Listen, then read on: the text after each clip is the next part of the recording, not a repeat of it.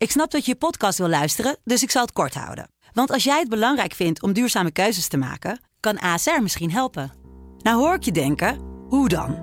Nou, bijvoorbeeld bij het duurzaam herstellen van schade. Of de premies die we beleggen volgens ons duurzaam beleggingsbeleid. Dat bepaalt waar we wel en juist niet in investeren.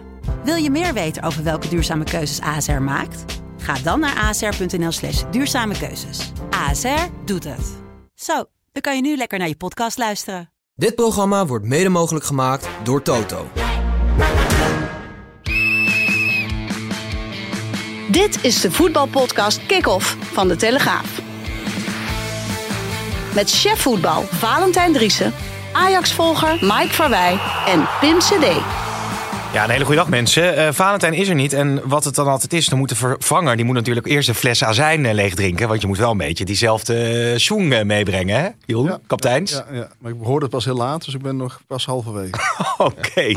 Nou, fijn dat je er bent. Maar er heeft iemand geen fles azijn op. En dat is Feyenoord-fan Damien, denk ik. Die loopt met de grootste glimlach... ja. Wat zijn leven nou gisteravond. Ja, ja, ja. Nou, het is natuurlijk een...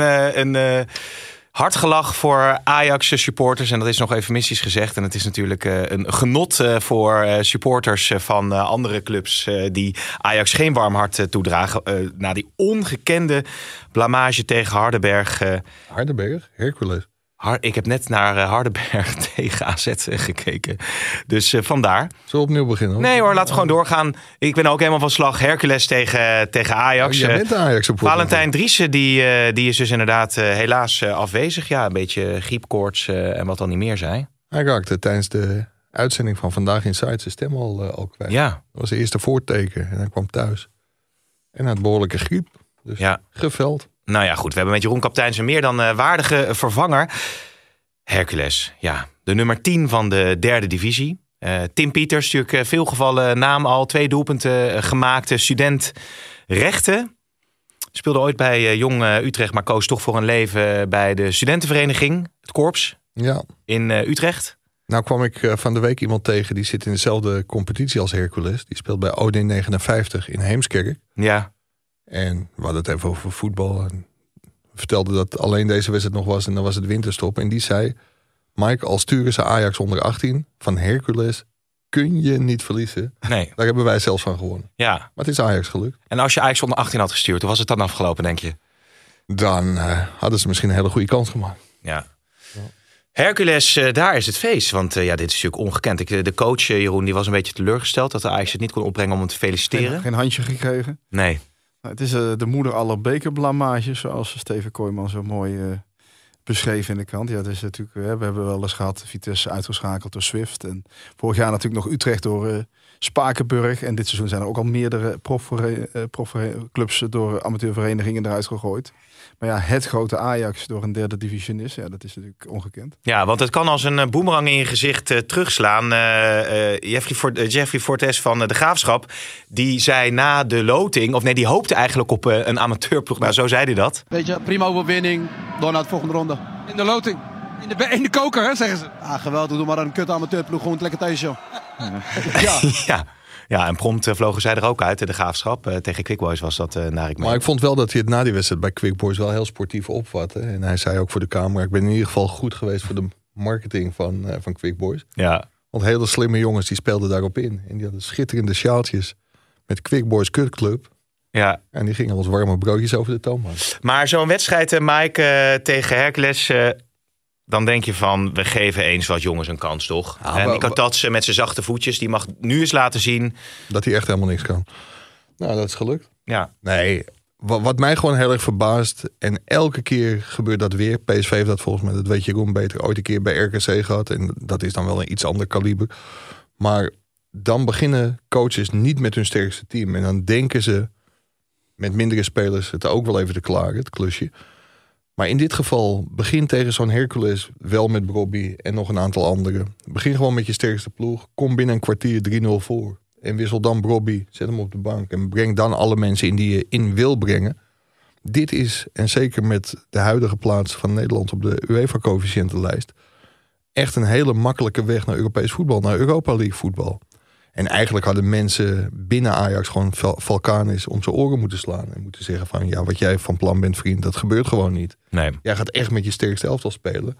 Wat niet wegneemt dat ook deze spelers. Maar ik denk dat we het zo nog wel heel even over de bestuurlijke chaos gaan hebben. Maar dat je het ook met deze spelers gewoon tegen Hercules wel had kunnen en moeten doen. Dus je kunt van alles roepen, maar het is een enorme blamage. Ik denk dat Valkanis gewoon met zijn sterkste team had moeten beginnen. En dan was dit niet gebeurd. Nee. Wat ook zo pijnlijk is, Jeroen, is dat je dan eh, René van der Kooi hebt, dat is dan eh, de trainer. En die zegt dan, ja, we wisten ook wel dat Ajax niet zo sterk was. Hij vond dat Pek Zwolle en eh, Sparta beter eh positiespel speelden. Du- dus je zit daar in die kleedkamer met, met, met, met de jongens. En de ene die is dus eh, student. En de ander die eh, heeft van die, van die hekwerken die ballen opvangen achter amateurvelden. Dat was degene eh, die de 3-2 eh maakte. Hè? Hè, Mats Grotenberg heet hij. Die, stond, eh, die af en toe zijn minuutjes maakt daar. En dan zeg je dus, ja jongens, we, we pakken Ajax. We kunnen Ajax nu wel hebben, want die zitten een beetje in een mindere fase. Ja, Ja, dat eh, is gebleken. ja, ja. ja. Nou, weet je wat ik het meest pijnlijke vind, Pim? Ik, even voor de goede orde, ik was er niet. Ik had vakantie. Nou, het is me drie keer overkomen dit jaar. Ik heb drie keer eh, vakantie genomen. De eerste keer werd Maurice Stijn ontslagen. Of die ging weg, in ieder geval bij Ajax. In goed overleg. De tweede keer toen kreeg ik informatie over dat rapport Overmars. En toen stond FC Volendam in de brand. Dus ik dacht al, als ik nu vakantie neem... dan verliest Ajax vast, vast van Hercules. Nou, dat gebeurde prompt. Dus toen toch maar mijn laptop eh, gepakt. Maar ik heb die wedstrijd zitten kijken. En het gebeurt wel eens dat een profclub verliest van amateurs. Dat ze 99% balbezit hebben. Dat de amateurvereniging een muur opwerpt. En dan één uitval heeft. Maar Hercules had er gewoon ook vijf Ja. of zes kunnen scoren. Ja. Het was niet eens een onverdiende overwinning. Nee, als je de statistiek ook bekijkt, dan zie je dat, eh dat Hercules gewoon echt... Nou ja, Ajax natuurlijk wel meer schoten op goal gehad. En dan heb je die expected goals, hebben ze dan iets meer. Maar Hercules heeft inderdaad, eh, nou ja, ik heb het niet in mijn hoofd zitten... maar eh, zeker acht, eh, zeven, acht keer op goal Bij eh, 2-0 geschoten. bij 2-0 kreeg ze een enorme kans op 3-0. Ja. Ja, Dus ik nee, echt hulde en een petje af voor Hercules. Want het is echt ook gewoon leuk om te zien. ja. Je zag de afgelopen periode waren de resultaten onder van het schip natuurlijk wat beter. Maar je zag in al die wedstrijden waren de momenten dat er, er ongelooflijk veel ruimte werd weggegeven. Dat er toch te gemakkelijk kansen werd- werden weggegeven. En dat is eigenlijk een, een weeffout in dit Ajax. Wat ook van Schipper nog steeds niet helemaal uit heeft gekregen. Wat je Nee. telkens weer eh, naar voren ziet komen. Maar alles valt en staat met kwaliteit, eh, Jeroen. Als je ziet, zullen we maar aftrappen om even de boel af te vak? Eh, ja, nou ja, je, je, je, mag- je begint maar ja. Nee, neem, neem het over. Ja. Ik, hou, ik hou de balans van de uitzending wel in de gaten. Nou ja, we- weet je, op een gegeven moment, het, het verhaal van Mark Overmars eh, en de foto is bekend. En daarna is Ajax ook door het vertrek van Erik ten Hag in een enorme vrije val terechtgekomen. Toen heeft op een gegeven moment Leen Meijaard, RVC-voorzitter, in al zijn wijsheid besloten dat er geen opvolger hoefde te komen voor Mark Overmars. Denk, ja, een voetbalbedrijf, beursgenoteerd voetbalbedrijf, zonder directeur voetbal, sportief directeur, technisch directeur, krankzinnig, echt krankzinnig.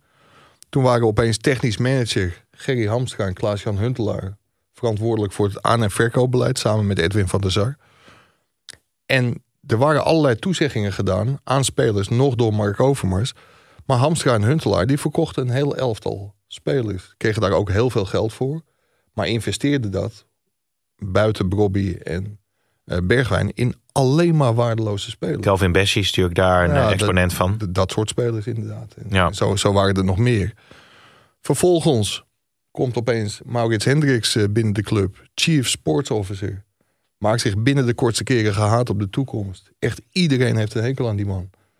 En ja, die trekt op een gegeven moment de, de regie naar zich toe. Dat wordt ook heel mooi beschreven in een boekje. Ajax in crisis van Menno de Galan. Voor iedereen eh, op de toekomst is duidelijk dat, dat Hendricks ook met de auteur heeft, eh, heeft gesproken. Want er blijken ook dingen uit het boekje die kunnen alleen maar door Mhm. Hendricks zijn gezegd. Ja, en eh, Hendricks heeft ervoor gezorgd, eigenlijk van de Sar overruled, nadat die er niet in slaagde om Ju- Julian Ward van Liverpool binnen te krijgen, om Mislintat binnen te halen. En ja, de rest is geschiedenis. Ja. Het is wel opvallend natuurlijk dat eh, die aankopen waar toch ook vaak van werd gezegd van nou geef ze nou de, de tijd en de kans en dan ontwikkelt het zich misschien. Nou je bent nu een half seizoen verder. Avila, Miko Tatsen, Forbes ontwikkelt zich eigenlijk ook de verkeerde kant op. Eh Soetalo heeft het heel moeilijk. Eh Ramai is, is niet een onbetwiste nummer één. Denk dat, dat het misschien meevalt hè, in het op, optiek van de fans. Herovic. Tahirovic. Is er, is er als je, als, je, als je één seizoen verder terugkijkt, dus ook nog even uh, Hamstra Huntelaar beetpakt. Je noemt al even Bergwijn en Brobby die dan gehaald zijn. Maar is er één andere aanwinst gekomen, dus in de afgelopen anderhalf seizoen, waarvan je denkt dat is een aanwinst gebleken? Nee. Niet één? Nee. Nee. En, en dat is natuurlijk het krankzinnige. Kijk, en je zegt net terecht dat een heleboel mensen zeiden van... ja, geven de tijd en misschien zijn de aankopen wel goed genoeg. Vanaf dag één dat uh, Mislintat werd aangesteld... kregen we allerlei signalen. Collega Marcel van der Kraan, Vaanten Driese, ik... misschien Jeroen ook wel, dat weet ik niet. Maar van alle kanten, vanuit Arsenal, vanuit Dortmund, vanuit Stuttgart... van Ajax heeft echt een luchtfietser binnengehaald. Iemand die helemaal niks kan wees op je hoede, want dit gaat verkeerd aflopen. Daardoor zijn we ook heel scherp geweest. Tahirovic had een marktwaarde van 2,7 miljoen. Wordt voor 8 miljoen aangetrokken. Spelers die nooit gepresteerd hebben. Ja, die werden door Ajax aangetrokken voor ver boven de prijs. In totaal 115 miljoen euro uitgegeven. Ja, het is misschien interessant, eh, Jeroen, als je kijkt naar PSV. Die club vorig jaar natuurlijk ook. Dan hebben zij ook beste portemonnee getrokken voor een aantal spelers. Maar dat zijn natuurlijk voetballers die op het Europese topniveau hebben laten zien dat ze het aankunnen. Denk aan Lozano, speelt natuurlijk niet meer alles bij Napoli, maar hij heeft wel op het allerhoogste niveau gespeeld. Eh, Des heeft natuurlijk bij, eh, bij Barcelona en uh, AC Milan ook gezeten. Nou, dus dan weet je, die jongens weten natuurlijk wel wat er van ze gevraagd wordt. Hè? Is, is dat in jouw optiek het grote verschil? Ja, natuurlijk. En dat zijn, kijk, ik denk dat in Amsterdam ook veel supporters graag Dest of um, Lozano of Lang in, in, in Amsterdam hadden gezien. bij Ajax hadden gezien. En ehm, het zijn natuurlijk toch wat meer zekerheidjes. En Mislit dat heeft natuurlijk ja, toch gokjes, gokjes gedaan. Van ja, dit zijn spelers die op termijn heel goed zouden kunnen worden. Ja, dat is tot op heden niet uitgekomen. Nee. Het punt is ook als je, als je nou het goede Ajax had en je zet er twee van die gasten bij, dan, dan kunnen die zich optrekken aan anderen en wordt, worden ze misschien wel uh, goed genoeg. maar als je er ook 11, 11, 12 en 1 haalt en het wordt, een, uh, wordt het natuurlijk een soort uh, dodelijke cocktail hè, waar, waar men elkaar mee naar, naar onder trekt. Maar, wat volgens mij heel erg van belang is, dat een heleboel mensen die zweren bij data. Nou, ik heb hier al twintig keer gezegd, denk ik, dat ik ben helemaal geen tegenstander van data, maar data moet ondersteunend zijn en niet leidend. Als jij in de Duitse tweede divisie of waar dan ook al je kopduels wint, dan betekent het niet dat je ook al je kopduels van Jiménez wint. Of dat als jouw passing 100% nauwkeurig is op het uh, Zweedse achtste niveau, dan betekent dat niet dat het in een volle kuip of in een volle arena of een volle Philips stadion ook zo is. Dus data is leuk, maar het zegt gewoon heel weinig. Ja, ja. En Mislintat, ja, dat was dan de man. Nou, bij onze conculega's, daar stond op 1 september nog een verhaal. Een enorme bewieroking van deze man. De methode Mislintat. En daar stond de geweldige passage dat Mislintat bij het scouten onderscheid maakte tussen overduidelijke en verborgen kwaliteiten. Nou, het knappe is dat die twaalf spelers bij Ajax, die weten het nog steeds verborgen te houden. Ze hebben gewoon geen kwaliteit. Maar het is wel zo, wat ook hier in de podcast eerder is gezegd, uh, dat je zegt misschien dat is een luchtfietser, maar het is natuurlijk ook het controlemechanisme wat gefaald heeft ja, binnen Ajax. Want uiteindelijk moet er natuurlijk de handtekening gezet worden vanuit de Raad van Commissarissen over aanwinsten. En als je dan bijvoorbeeld over Avila kijkt, ja, daar is zowel in de scouting als, uh, als bij de Raad van Commissarissen, als in meerdere vlakken, is hij er blijkbaar door, uh, doorheen gefietst. Ja, maar scouting is helemaal gepasseerd. Scouting ja. is door misschien altijd helemaal. Uh, nee, precies, maar dat, daar begint het dan al. Maar dat is hier ook ter sprake gekomen. Mark Overmars die zal echt onderhandelen met het zweet op zijn voorhoofd. Elk dubbeltje eruit proberen te slepen. Die kreeg een bod en die wist niet hoe snel hij ja moest zeggen op Avila. Want daar is gewoon 12,5 miljoen euro voor betaald. En Overmars dacht, laat ik maar heel snel ja roepen. Want anders dan gaat Ajax zich nog bedenken. Er is gewoon niet onderhandeld. Er is onmiddellijk ja gezegd. Ja. ja en dat is natuurlijk heel veelzeggend.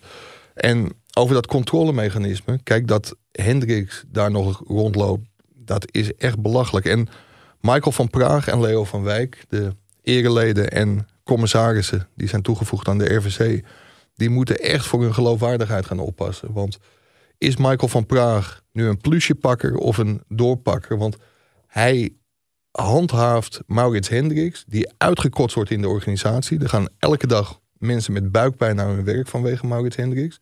Hij is verantwoordelijk voor de aanstelling van Mislintat. En die hele club is gewoon in complete chaos terechtgekomen. Dankzij Maurits Hendricks en Mislintat.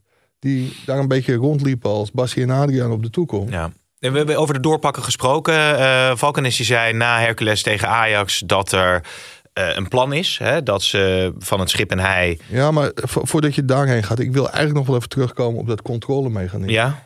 Pierre Eringa, de man die een selfie maakte op de eretribune en daar zat te genieten als een klein kind. Die gaf in, een interview in het Financieel Dagblad na zijn vertrek aan dat hij na de wedstrijd bij Fortuna, toen Maurice Stijn afstand nam van die complete selectie en zei van ja, dat is leuk, maar dit zijn mijn aankopen niet. Overigens hebben we Maurice Stijn gesproken en 30 december kopen die krant. krant. Kopen die krant.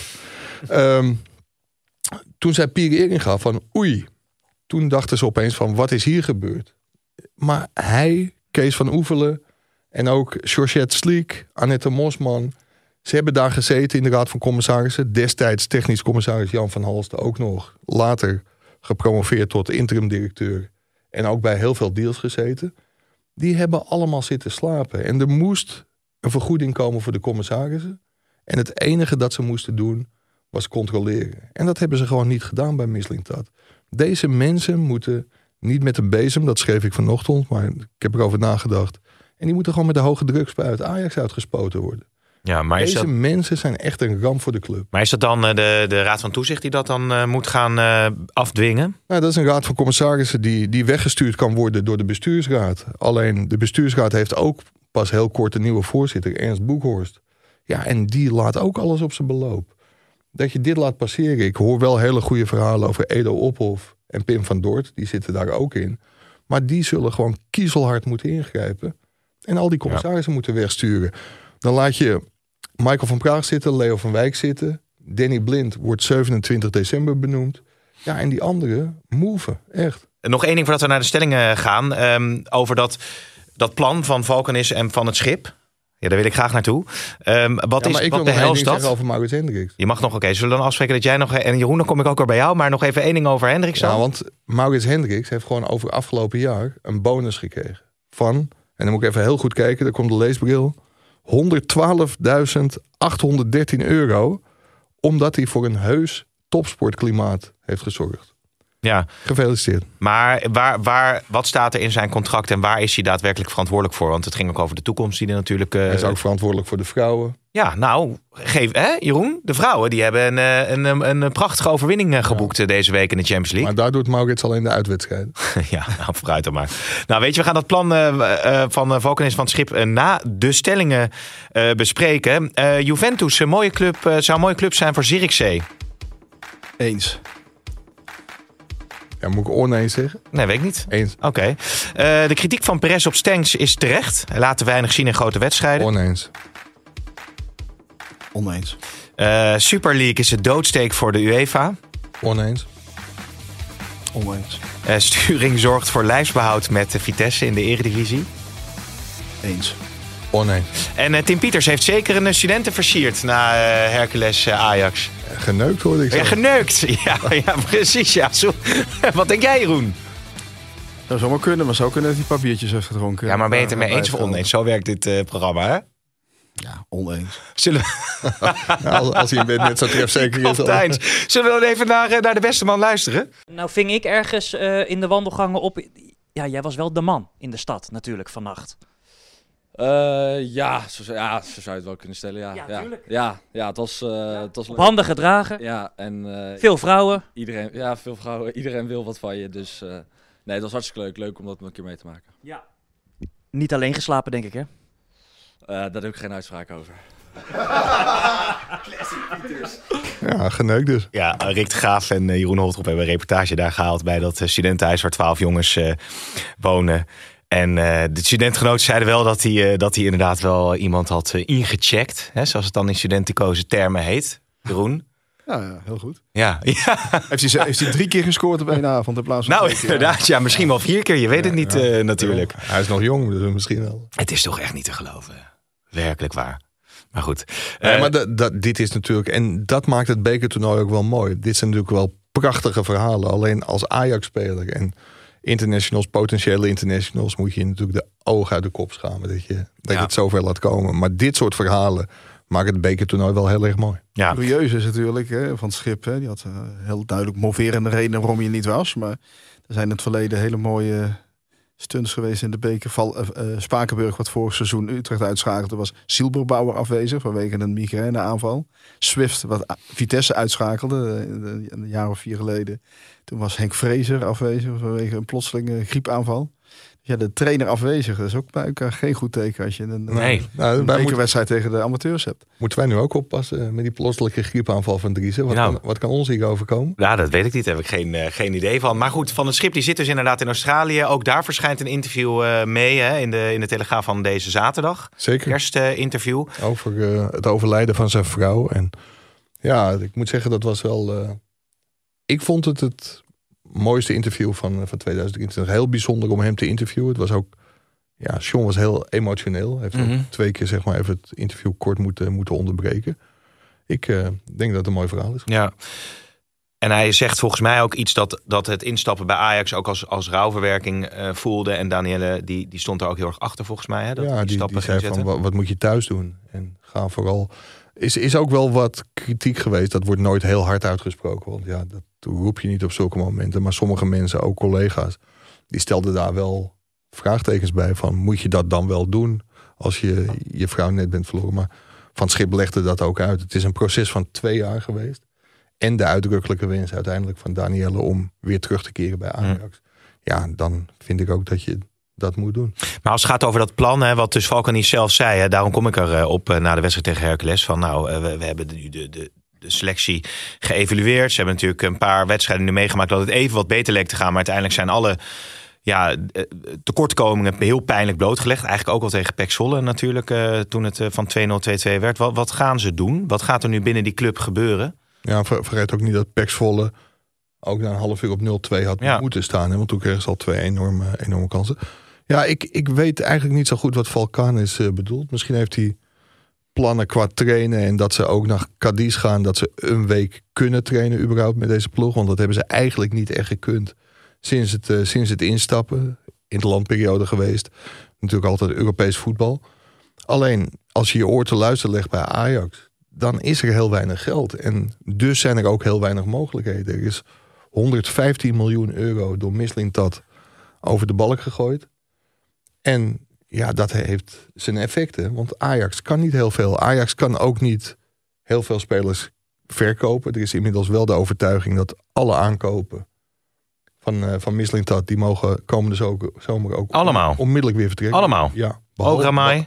Behalve Branko van de Bomen. En Ramai, dat vinden ze wel iemand dat... Ja, die kan blijven.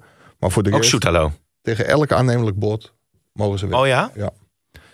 Ook Soetalo? Die zou ook, ook weg mogen. Daar was al wat interesse vanuit Italië. Ja, dat is hem ook niet. En ik denk dat Alex Kroes, die stapt in maart in. Dus Ajax gaat weer een transferperiode in zonder, eh, zonder algemeen directeur. Ik denk dat, eh, ja, dat, dat Alex Kroes heel erg blij is als hij van die 115 miljoen 60 miljoen terug. Ja, ja. Ongelooflijk. Ik tik, ik tik- het even mee. Ja, Ehm, kop voor de podcast. kop voor de podcast. Ja, het is eigenlijk niet te geloven als je dat zo. eh, als je dat soort. Ze willen natuurlijk die middenvelder van eh, Tottenham eh, Hotspur hebben. Hè, die Hooiberg. Die toch heel veel ervaring heeft. Ook bij Southampton, Danes International. Hebben ze eerder ook wel interesse in gehad. Ja, compleet onhaalbaar. Ook in dan eerst een huurconstructie en dan daarna kopen. Ja, maar dat, dat wil Tottenham Hotspur helemaal niet. Bovendien zijn er veel andere clubs, ook Italiaanse clubs, die hem willen. Dus dat, dat gaat hem niet worden. Ajax zal moeten huren. En dan eventueel met een optie tot koop. Maar echt alle fans die, eh, die denken dat er vier, vijf nieuwe spelers komen, die, die kan ik echt eh, uit de droom Ja. helpen. Want dat gaat niet gebeuren. Oké, duidelijk. Nou, De Hotspur is ook wel een heel lastige club altijd om mee te onderhandelen. Want die, eh, die geven nooit een duimbreed toe. En eh, moet je echt de hoofdprijs altijd betalen. Nou ja, je hebt natuurlijk die onderhandelingen toen met Arne Slot eh, gehad. En je hebt later ook met Mickey van der Ven natuurlijk die onderhandelingen eh, gehad. Laten we even naar Daarvoor met Bergwijn, dat heeft ook twee periodes. Ja, we even naar het eh, buitenland eh, gaan. Ingeleid door onze grote vriend eh, James Last. Liggen hier nog een paar cd'tjes trouwens. Er liggen hier nog een paar cd'tjes, ja. Ja, ik denk dat Valentijn Driessen er zo enthousiast over was. Die heeft hij natuurlijk gekregen van een luisteraar. Dat hij ze... Of hij gunt het aan anderen, natuurlijk, kan ook. Aan de schoonmaakster, denk ik. Want ze lagen bij de, ze lagen bij de prullenbak. Ja, nou ja, goed. Ik, ik hoop dat hij er nog met veel plezier naar gaat luisteren. Ja, ik had het over Zirkzee, hè, Jeroen. Ehm, ik weet niet in hoeverre jij de carrière van eh Zirkzee volgt. Maar doet het nu heel goed bij Bologna. Had ook weer een knappe assist eh, afgelopen, afgelopen wedstrijd. Waar, waar denk je dat zijn plafond eh, ligt? Ik denk dat dat wel een speler is die oranje gaat halen. En die heel goed bij een Nederlandse topclub of zelfs op een hoger niveau in het buitenland mee zou kunnen. Ja, verbaast het jou dat, dat hij zit nu dan bij Bologna, maar hij heeft natuurlijk bij Anderlecht de tijd gezeten, bij München. Is ook wel met wat Nederlandse clubs in verband gebracht. Verbaast het jou dat hij dan nu eh, op, op dit niveau eh, speelt? Of is dat nu... Nee, want het was altijd een supertalent natuurlijk. Hij is niet voor niks naar, eh, naar Bayern gegaan. Alleen ja, zie je dat het daar heel moeilijk is om door te breken. Hè, En sommige spelers hebben wat langer nodig, hebben een, een, langer, een ander traject nodig om eigenlijk hun, hun topniveau te halen. Dus ja, zo verrassend is dat natuurlijk niet. Het is Nee. altijd een van de van zijn leeftijdscategorie natuurlijk een van de allergrootste talenten geweest. Ja, Nou heb ja. ik eh, hier in de uitzending geroepen dat het verhaal ging dat Zirkzee niet naar, eh, naar Ajax is gekomen, omdat hij ook moest overstappen naar een, eh, naar een andere zaakwaarnemer. Gelukkig zei ik dat het een verhaal was. Ik ben inmiddels gebeld door zijn zaakwaarnemer Ralf Dua van Ja, Sports Invest UK. oké. En die vertelde dat er inderdaad is gesproken met Zirkzee, maar dat Mislintat er eh, niet met hem uitkwam. En dat het uiteindelijk gewoon geen, geen deal is geworden. Maar hij is in beeld geweest bij Ajax.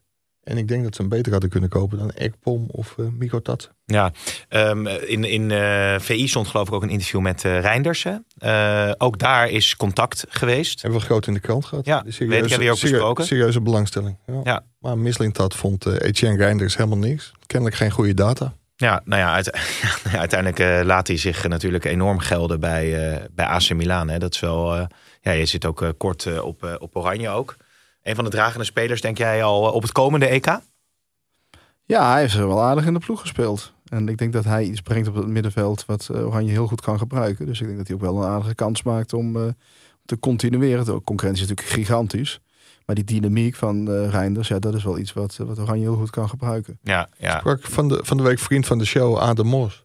En die zag het al helemaal voor zich. Bobby in de spits, bal vast. Louis sterk. En dan Reinders. En die zag ook Depay natuurlijk. eh, ja, die, die kunnen natuurlijk heel veel genieten van, eh, van een balvaste spits als Bobby. Ja. En Reinders is ook een speler met heel veel dynamiek, heel veel diepgang. Ja, dat, eh, dat zouden mooie combinaties kunnen opleveren. Ja, geweldig voetballer. Nou, Frenkie de Jong eh, of zijn Barcelona, eh geloof van de hekkensluiter, nog net gewonnen. Nipt met eh, 3-2. Girona puntjes laten liggen, gelijk, gelijk spel. En Manchester United moeten tegen West Ham. is natuurlijk ook wel aardig dit weekend. Zaterdag half twee. En daar heeft Ten Hag ook gezegd dat hij deze selectie, daar wil hij het, ja, daar moet hij het misschien ook wel mee, eh, mee doen. Pim kijkt twee wedstrijden in de week, hè? Barcelona, Manchester United. ja, precies. Ja. Nou ja, goed. Dat, Misschien eh, dat ze nog kunnen, eh, eh, dat is een ruildeal toch, waar Bielt over geschreven had. Die Jadon Sancho en eh Daniel Malen. Ja, dat is wat denk jij? Zou dat eh, een goede deal zijn voor Ten Hag? Hoe, Ja, hoe schat jij Malen in? die Sancho nou helemaal niet eh, een stuk voorkomt, zou het wel een goede deal zijn. Want dan kan je natuurlijk gewoon eh, extra speler erbij. Ja, die je wel echt kan opstellen, ja. Ja, Malen heeft natuurlijk wel gewoon snelheid en eh ja, eh, scorend vermogen. Het komt er niet altijd uit, maar is dan wel een speler met dreiging. Ja, ja zeker. zeker. Eh, jij volgt Vitesse ook eh, nadrukkelijk, Jeroen. Ja. Veel, veel verhalen eh, daarover. Eerst even eh, de trainer, Sturing. Ja, die Nou. maakte het seizoen af. Hij was na die wedstrijd was ik bij in eh, Almere, die 5-0 nederlaag. Ja. Ja, toen eh, pff, gaf hij toch ook wel aan dat hij zo zijn twijfels had. Niet zozeer met het oogpunt op zijn carrière. Hij zei, ik heb geen carrière meer en ik ambieer geen trainerscarrière meer.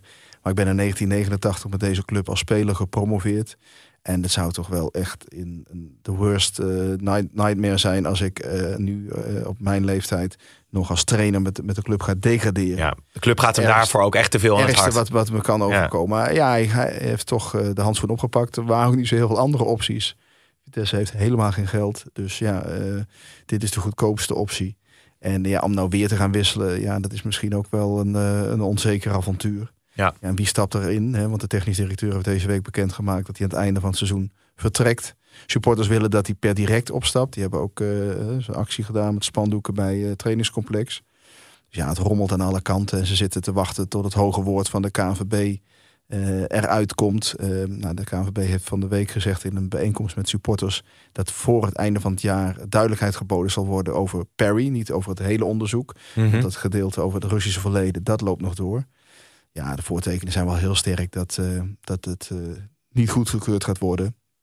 En Perry komt al niet meer over de brug met een deel van het bedrag wat hij eh, volgens de garantstelling zou moeten betalen. Ja. Zo komen ze vrij acuut in financiële, proble- financiële problemen. En ehm, ja, de kans is toch wel aanwezig als er een verzoenlijk bod opkomt op miljoen man hoeft, dat ze dat niet kunnen laten lopen om het seizoen maar uit te kunnen spelen. Omdat ze anders het begin eh, volgend jaar eh, al vrij snel in liquiditeitsproblemen kunnen. ja, en dat is nou net een speler die misschien eh, zorgt voor wat... Ja, dat is natuurlijk een belangrijke jongen. Een van de twee topscorers. Ja, Ja. Ze hebben allebei niet heel veel gemaakt. Maar ze hebben toch allebei vier goals gemaakt. Van Ginkel en Manhoef. Ja. En ja, dat zou dus in, met, je, met het oog op je ambities, wat ook heel belangrijk is om erin te blijven, natuurlijk killing zijn. Maar ja, ze moeten gewoon ook, ze kunnen zich niet veroorloven dat de bodem van de geldkist in Ja. zicht komt eh, gedurende het tweede seizoen zelf. Hij, hij werd in verband gebracht met, eh, met AZ. Is daar nog sprake van, eh? Ja, AZ was eh, super geïnteresseerd en ehm jongen wilde er heel graag naartoe. Eh AZ wilde 4 miljoen betalen, maar Vitesse wilde 5 miljoen. Oké. En, ehm, en uiteindelijk hebben ze dat zo hard gespeeld. Dan hebben ze Vitesse eh, de hak in het zand gezet. En heeft uiteindelijk AZ interesse verle- verlegd naar Sadiq. Ja. Maar die Sadiq komt er nog niet heel erg eh, uit de verf. Dus ja, AZ heeft natuurlijk eh, een enorm geldpakhuis daar in eh, Alkmaar. Naast het kaaspakhuis. Dus misschien kunnen ze Alsnog. Nou alsnog ja, eh, wat maar- doen. Ik, ik moet zeggen, het is een jongen uit Purmerend Manhoef. Dus dat zou wel mooi zijn als hij daar bij AZ zou. Zo. Ik vind het echt een hele goede Ja. voetballer. AZ trouwens ook door het oog van de naald. Hè. Dat, dat kan dan net het verschil zijn. Toen Ajax natuurlijk die 2-2 maakte, dacht je, nou, dat winnen ze nog wel. daar- daar- ik heb het niet gezien, maar daar werd het 2-2 afgekeurd. Eh, ik heb de wedstrijd ook niet helemaal gezien. Ik heb alleen eventjes snel de goals eh, nog teruggekeken. Van Bommel scoorde uiteindelijk de, Ja, het de was 3-2. verlenging, hè? En de verlenging werd het nog... eh, nee, eh Hardenberg Oh. kwam op het laatst terug tot 2-2. Nee, ik, ik, ik ben in de war met Almere City. Hardenberg kwam op het laatst terug tot 2-2. Toen werd het verlenging. In die verlenging was AZ wel...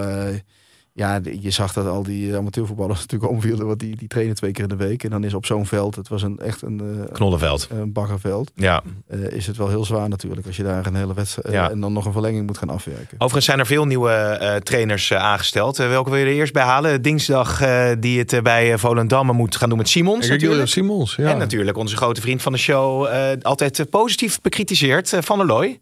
Ja. Hè? Ja, bij Heracles Almelo. Ja.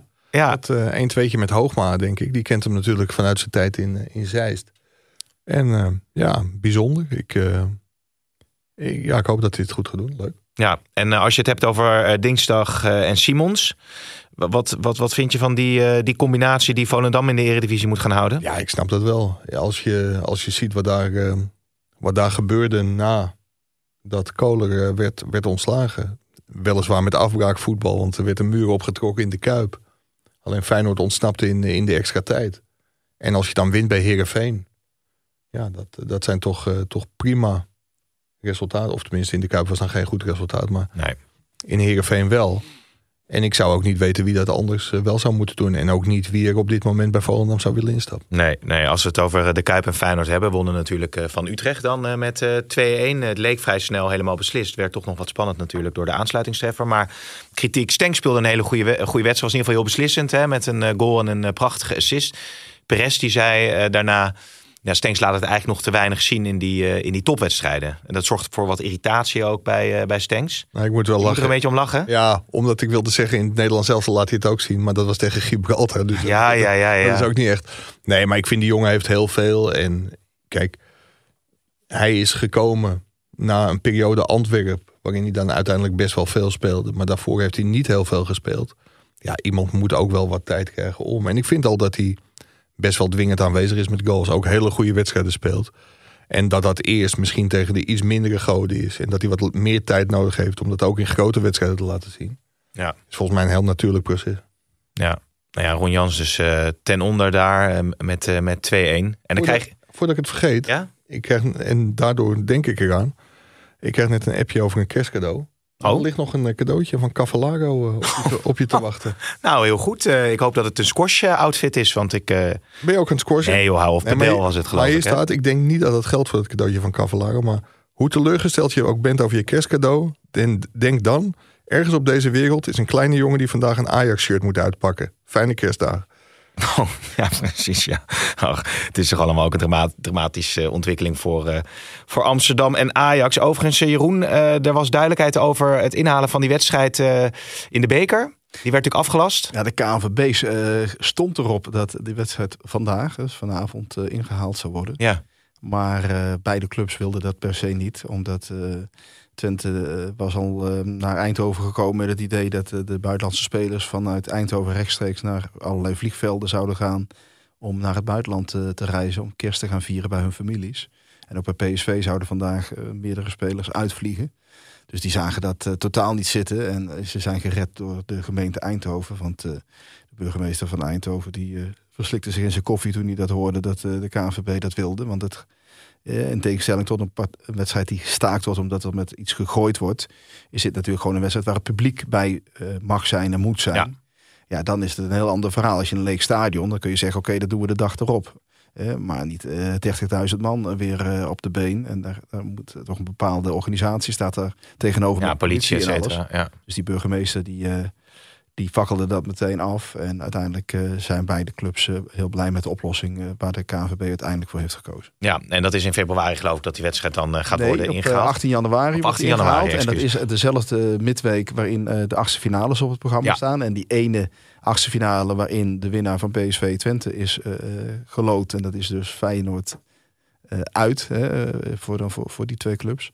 Een van, van die twee clubs. eh, die wordt dan de week erop eh, ook nog eh, gespeeld. Dus Ja. dan is men weer bij in, in de beker. Ja, laten we de Super League er ook nog even bijhalen. Het is toch een hele interessante ontwikkeling. Er is natuurlijk een gerechtelijke uitspraak geweest... waarin het Europese Hof, hè, dat u even het ongelijk is gesteld. Ze verliezen eigenlijk een beetje hun, hun monopolie... want de, de Super League kan ja, worden opgezet... en clubs hebben de vrijheid om dat te gaan doen...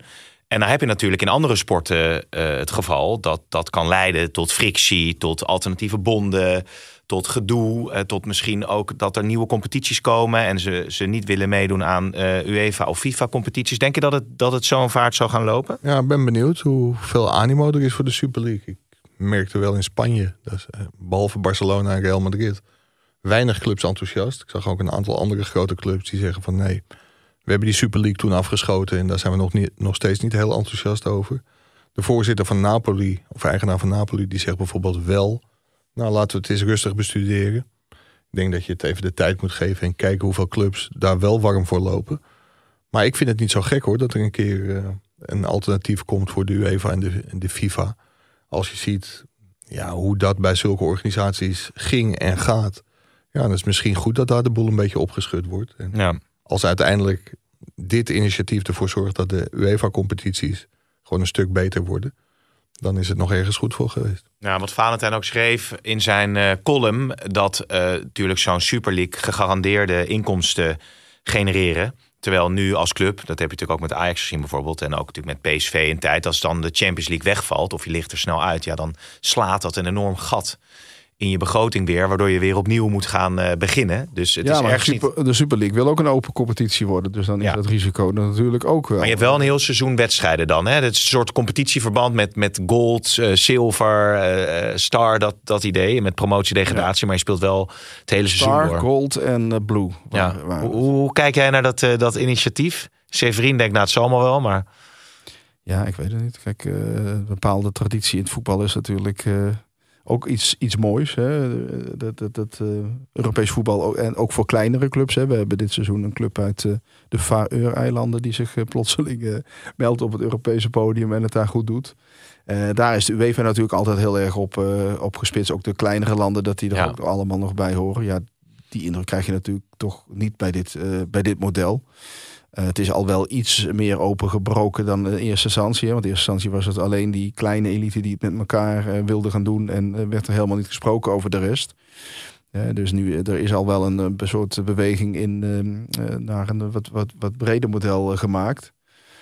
Ja, het, het zal ook vooral ook gebruikt worden als stok achter de deur door clubs. Om, om te kijken of ze toch meer uit eh, dat Ja. hele UEFA gebeuren kunnen, Ja. kunnen trekken dan wat nu het geval Ja, is. je kan toch dit eh, gebruiken om ook een beetje de UEFA verder onder druk eh, te zetten. En de vraag is ook zo'n WK voor clubteams en zo. Je geeft dus die agenda natuurlijk ook overvol. Dus dat... Ja, maar de agenda wordt natuurlijk niet minder vol door de Super League. Want zij gaan zelfs nog meer Europese wedstrijden. Nee, precies. Dus, garanderen. dus dat, dat kan ook weer leiden tot nog meer spanning op die, op die agenda. Dus ik ben heel benieuwd hoe dat verder zal gaan. Ja, zo maken we het, het, het, het voetbaljaar af. Ik zeg tegen onze eh, lieve luisteraars dat we er... Ik weet niet eens meer wanneer we er voor het laatst uit zijn geweest. Vorig jaar niet, hè, een jaar geleden. Toen zijn we volgens mij, uh, of na, zijn we misschien na het WK voetbal Qatar zijn we er even uit geweest. Ja. Afgelopen Was zomer zijn we zes weken aan het compenseren. Ik was toen zes weken aan het compenseren, ja. Inderdaad.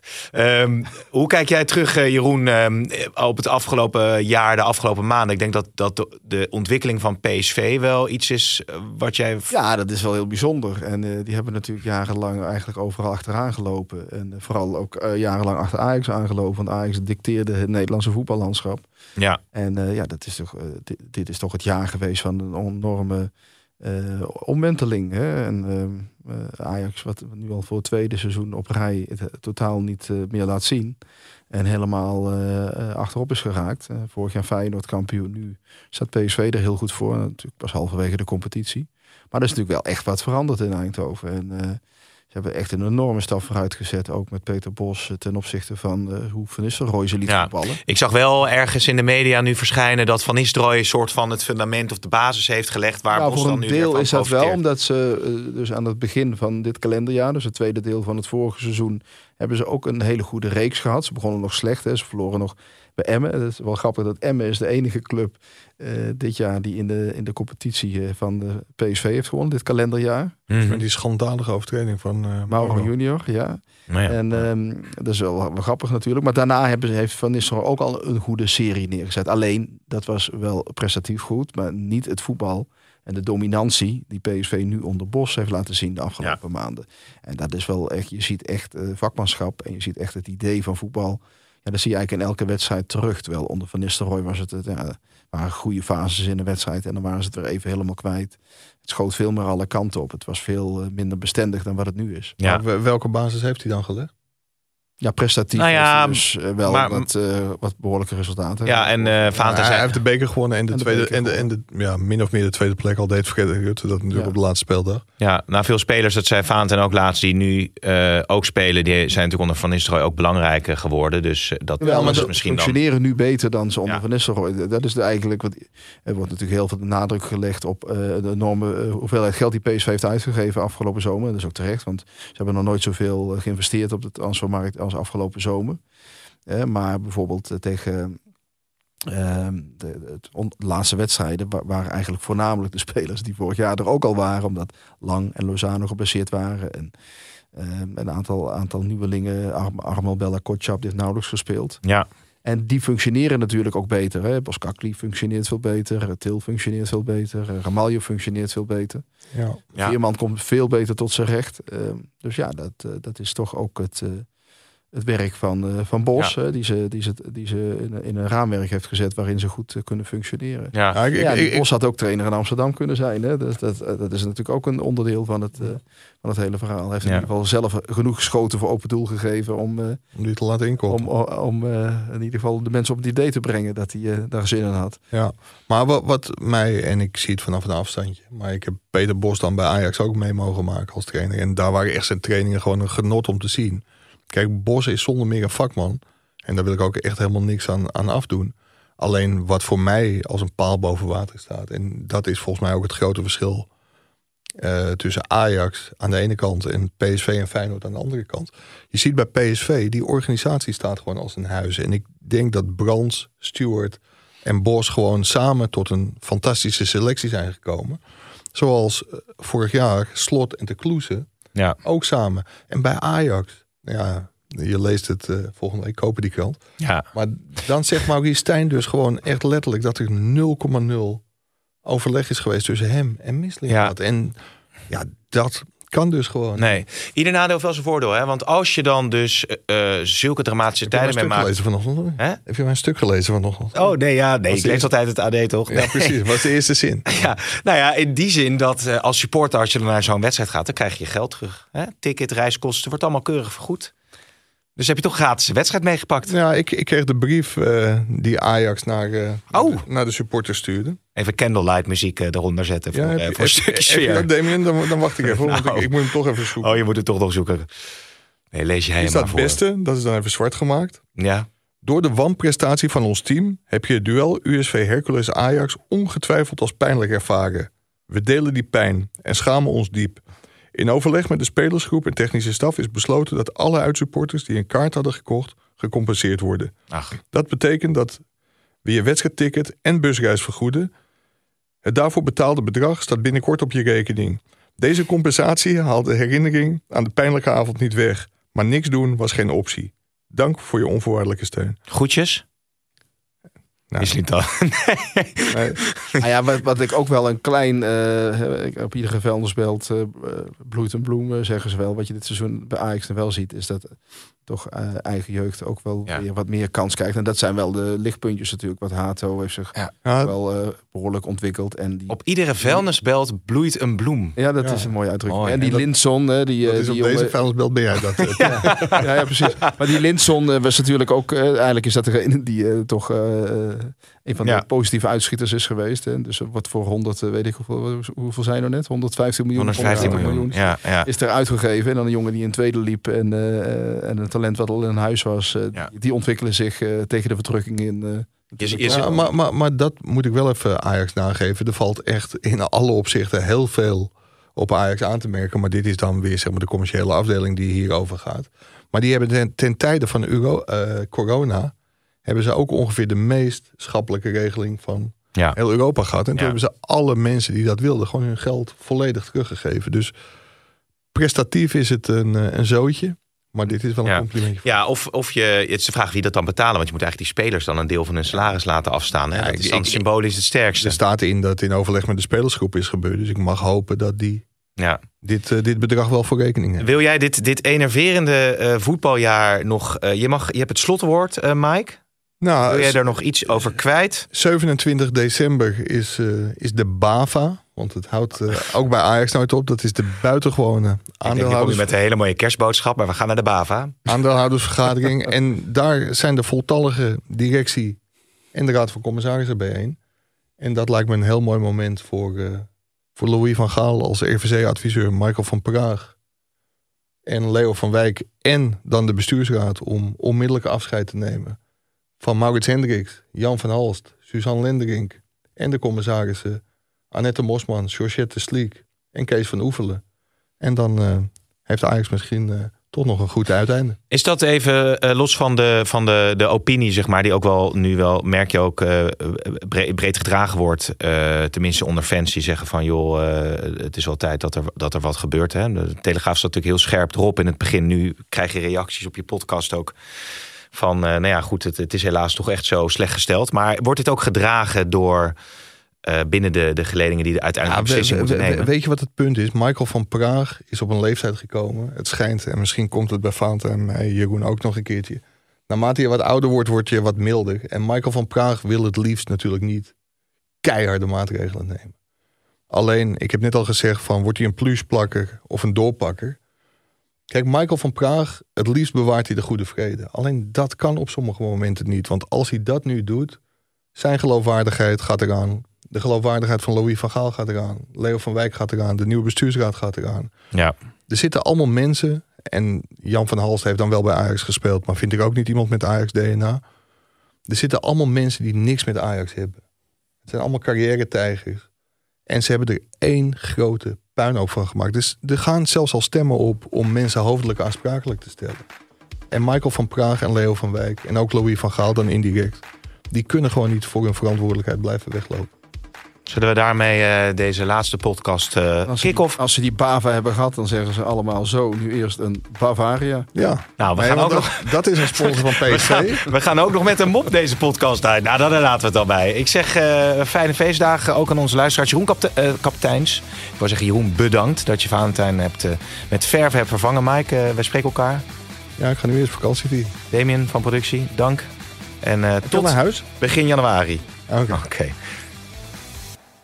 Dit programma werd mede mogelijk gemaakt door Toto.